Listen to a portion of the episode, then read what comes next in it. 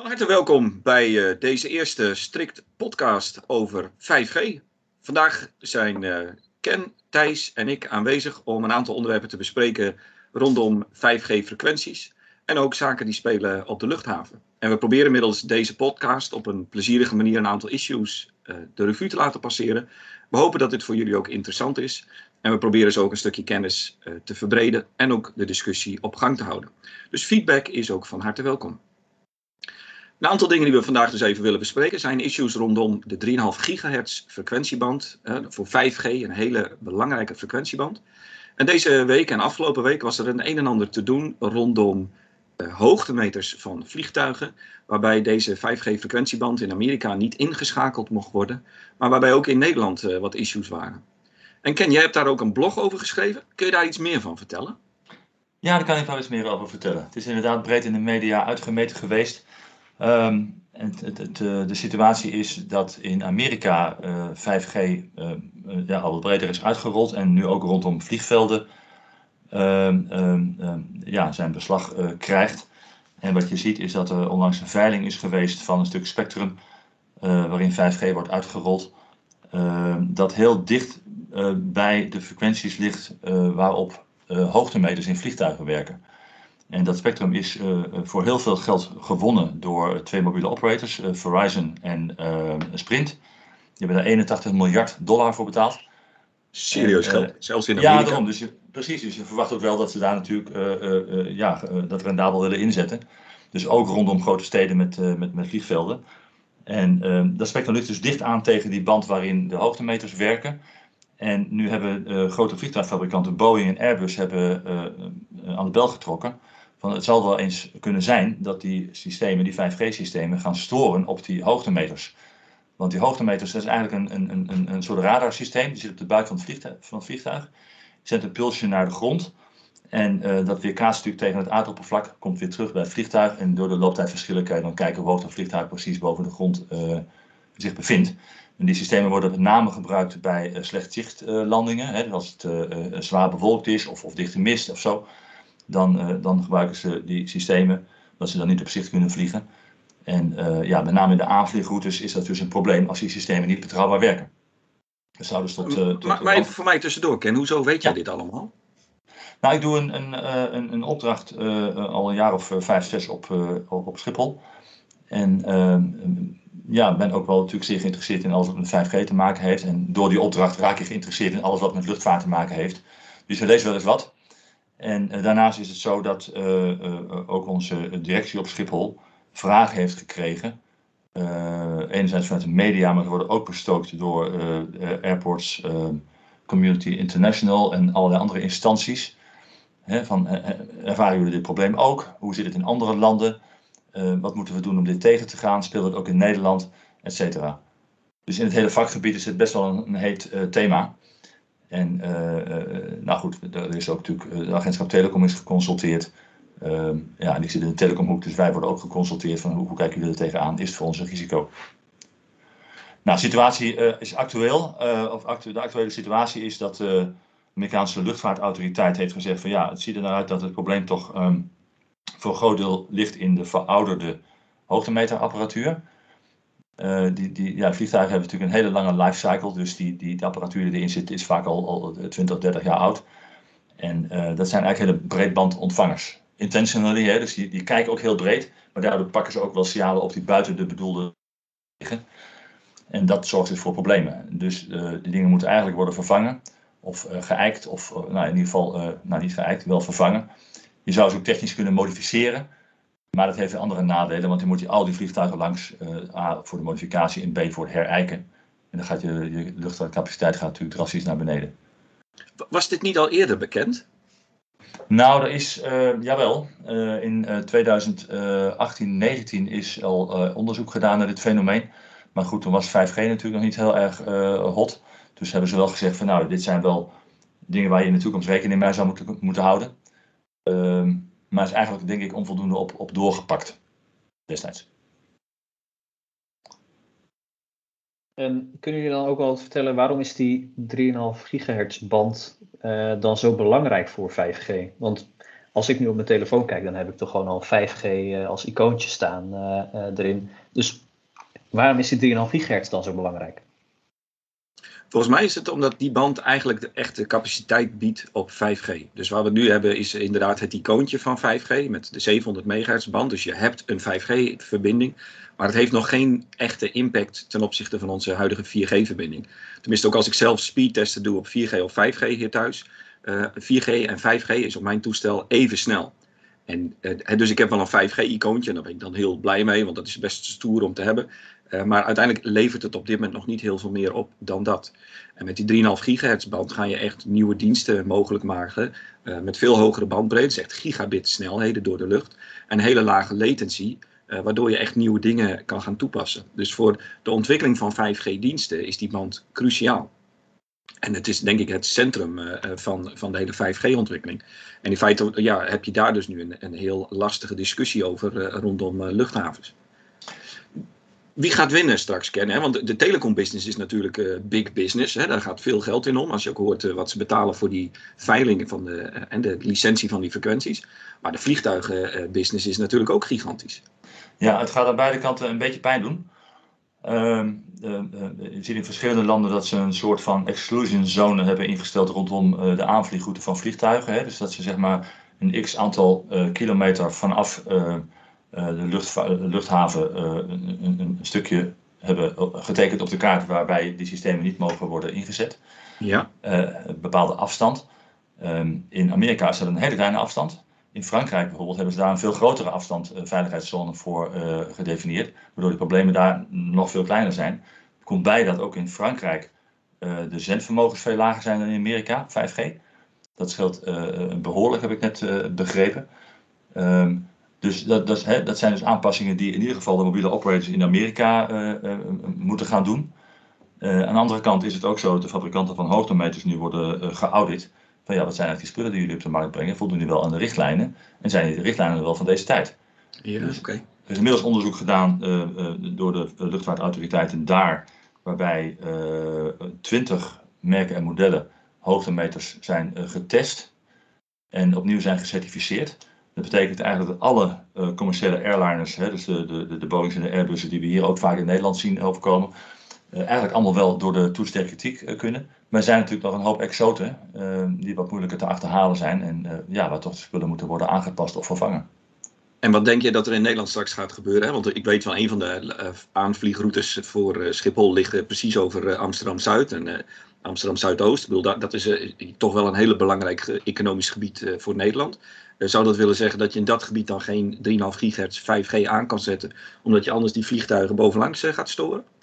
Nou, in Nederland, eh, ik weet niet of dat al heb behandelbaar. In Nederland is het probleem eigenlijk minder groot of eigenlijk niet aanwezig. Omdat in Nederland de 5G-frequentieband zoals die in de nota mobiele communicatie is aangekondigd, um, ja, een stuk verder af ligt van de frequentie waarop die hoogtemeters werken dan in Amerika. Dus de separatie tussen de 5G in Nederland en die hoogtemeterband is veel groter, waardoor er eigenlijk geen storing te verwachten is. Dus het probleem speelt okay. eigenlijk in Nederland niet. Maar ik begreep dat we in uh, Nederland dan wel weer andere problemen hebben als het gaat om die 3,5 gigahertz. Ja, want die band is uh, volop in discussie geweest, uh, inderdaad. Afgelopen zomer is die door een veiling, of is de veiling van die band en de voorbereidingen daarvoor tijdelijk on hold gezet vanwege een rechtszaak die door Inmarsat is aangekondigd en gewonnen is tegen de Nederlandse staat. Dus de Nederlandse staat dacht van nou, we hebben een aantal belangen in die 3,5 gigahertz band. Inmarsat is een, eh, is een van die belanghebbenden. En daarvan heeft men eigenlijk gezegd van nou, we gaan toch die band veilen. Uh, en, en de functie van Inmarsat een beetje aan de kant schuiven. En waar Inmarsat, uh, of Inmarsat voor verantwoordelijkheid draagt, is internationaal satellietverkeer, SOS-verkeer van schepen. waar het, de, dat bericht door satellieten wordt ontvangen en vervolgens in het grondstation in de, de Flevopolder wordt ontvangen. En op het moment dat je daar de 3,5 gigahertz band andere dingen gaat doen boven Nederland, dan heb je dat, heeft dat heel veel impact. En dan kan die communicatie niet meer goed plaatsvinden. En daarvan heeft Inmarsat eigenlijk gezegd, ja, we zijn een beetje met een kluitje het in het riet gestuurd door de Nederlandse overheid. Zo van, jullie mogen niet meer uitzenden en hier heb je een kleine vergoeding. Maar daar, daar zijn gewoon enorme investeringen mee gemoeid. En ik weet dat Inmarsat bezig is om hun grondstation uit Nederland te verplaatsen naar een andere plek. En meen naar Griekenland. Maar dat zijn substantiële investeringen die daarmee gemoeid zijn, ook in de manier waarop de satelliet functioneert. Dus het is niet zo van, nou, ik zal dat vanmiddag even aanpassen. En daar gaan echt uh, maanden, jaren overheen met, met hele forse investeringen. Uh, tientallen miljarden, miljoenen, sorry, hoorde ik dat zelfs noemen. dus dat, dat, dat is best wel een, een lastig punt. Dus dat, dat is één van die dingen. Er staan in, in, in Buren, in Friesland, staan een heleboel van die schotels. En in Maarstad gebruikt er een aantal van voor, voor communicatie. Maar een, een groot aantal andere schotels worden gebruikt volgens mij voor allerlei inlichtingendiensten. Die zullen dus ook moeten verkassen. En dat project loopt ook al jaren. Ja, want die wilden ze volgens mij ook naar het buitenland verhuizen. Dat is ook toegezegd volgens mij door de Kamer. Ja. Niemand weet natuurlijk vanwege de, de, de confidentialiteit waarheen en wanneer het precies gaat gebeuren. Maar voordat het hele grondstation Buren ontmanteld is, uh, zijn we denk ik nog wel een tijdje verder. Correct. Dat is het andere. Dat was ook een belangrijke belanghebbende. Dat was inderdaad de AIVD en de MIVD. De, de satellietgrondstation in, in uh, Buren in uh, Noord-Groningen werd vooral gebruikt om uh, Osama Bin Laden op te, te ontdekken en of te, op, te, op te sporen. En dat zijn best wel nou ja, systemen die men belangrijk vindt, ook voor nationale veiligheid. Dus dat is ook niet een systeem waarvan je zegt van nou, we zetten hem even uit. Ook omdat het volgens mij binnen NATO-verband een, een belangrijke functie had. Dus het is niet alleen voor de Nederlandse inlichtingsdiensten, maar vooral voor, ook, voor de Engelse en de Amerikanen en andere landen had dit een belangrijke functie. En dat, dat is natuurlijk ook niet zomaar iets wat je aan de kant kan schuiven. Dus dat is de, de tweede grote belanghebbende naast Inmarsat. En er was zelfs nog een derde. En dat is namelijk dat in de huidige 3,5 gigahertz band er binnen Nederland meer dan 200 licentiehouders zijn. Die ook in die band op dit moment private uh, netwerken uh, hebben draaien. Um, die een, voor een groot deel ook uh, licenties hebben tot 2026. Dus tot het jaar 2026 hebben zij het recht om nog uit te zenden. En veel van die partijen. Gaat dat nou dus betekenen dat we tot uh, 2026 eigenlijk niet zo heel veel kunnen met 5G in Nederland? Nou, dat hoop ik toch niet. Uh, omdat dat toch wel echt wel de ontwikkeling van 5G in Nederland in een hopeloze vertraging dan brengt. En dat we echt gaan achterlopen qua economische ontwikkeling ook, denk ik, in Nederland. En innovatie. En Nederland heeft de ambitie om op ICT-niveau echt een grote rol te spelen. En die wordt dan wel heel erg achtergeschoven, in ieder geval op het vlak van 5G. Wat vaak de basis is onder heel veel van die ontwikkelingen. Dus dat, ik, ik vind dat wel een hele lastige. Nou was er natuurlijk, uh, als het toch zo lang gaat duren, hebben we nou ja, best een probleem zeg jij als, als BV Nederland. Uh, om toch eerder 5G van de grond te krijgen, of om de mogelijkheden te onderzoeken, is er volgens mij recent een, een onderzoekscommissie ingesteld. Ja. kan je daar iets meer over vertellen? Volgens mij is dat uh, eind uh, december gebeurd. Toen is in ieder geval uh, dat naar de Kamer gestuurd. Er zijn vier professoren van allerlei universiteiten in Nederland. één uit Tilburg, één uit Eindhoven. Volgens mij één uit Utrecht ook. En ik, ik zal ernaast zitten, ik heb het niet helemaal scherp. Maar om in die onderzoekscommissie te komen, moest je in ieder geval professor zijn. en het beeld wat ik heb, is dat het toch een, een behoorlijk zware politieke geladen discussiepunt is. Dus vandaar waarschijnlijk ook de zwaargewichten die daarvoor gevraagd zijn. Um, waarbij heel erg naar gekeken wordt, ook naar economische motieven.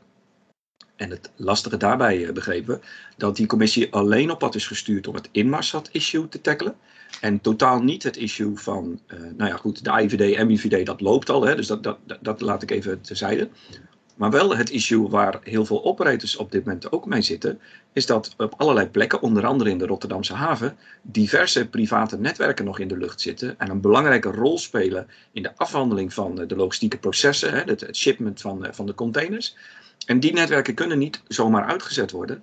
En de mobiele operators zitten heel erg van ja, maar als ik straks uh, een licentie krijg in die 5G-band, in die 3,5 gigahertz, en ik mag dan niet in de Rotterdamse haven uitzenden, want daar zitten nog licentiehouders, ja, wat is dan die licentie waard? Een beetje hetzelfde als die Amerikaanse operators nu hebben. Van je mag overal uitzenden, behalve op de luchthavens.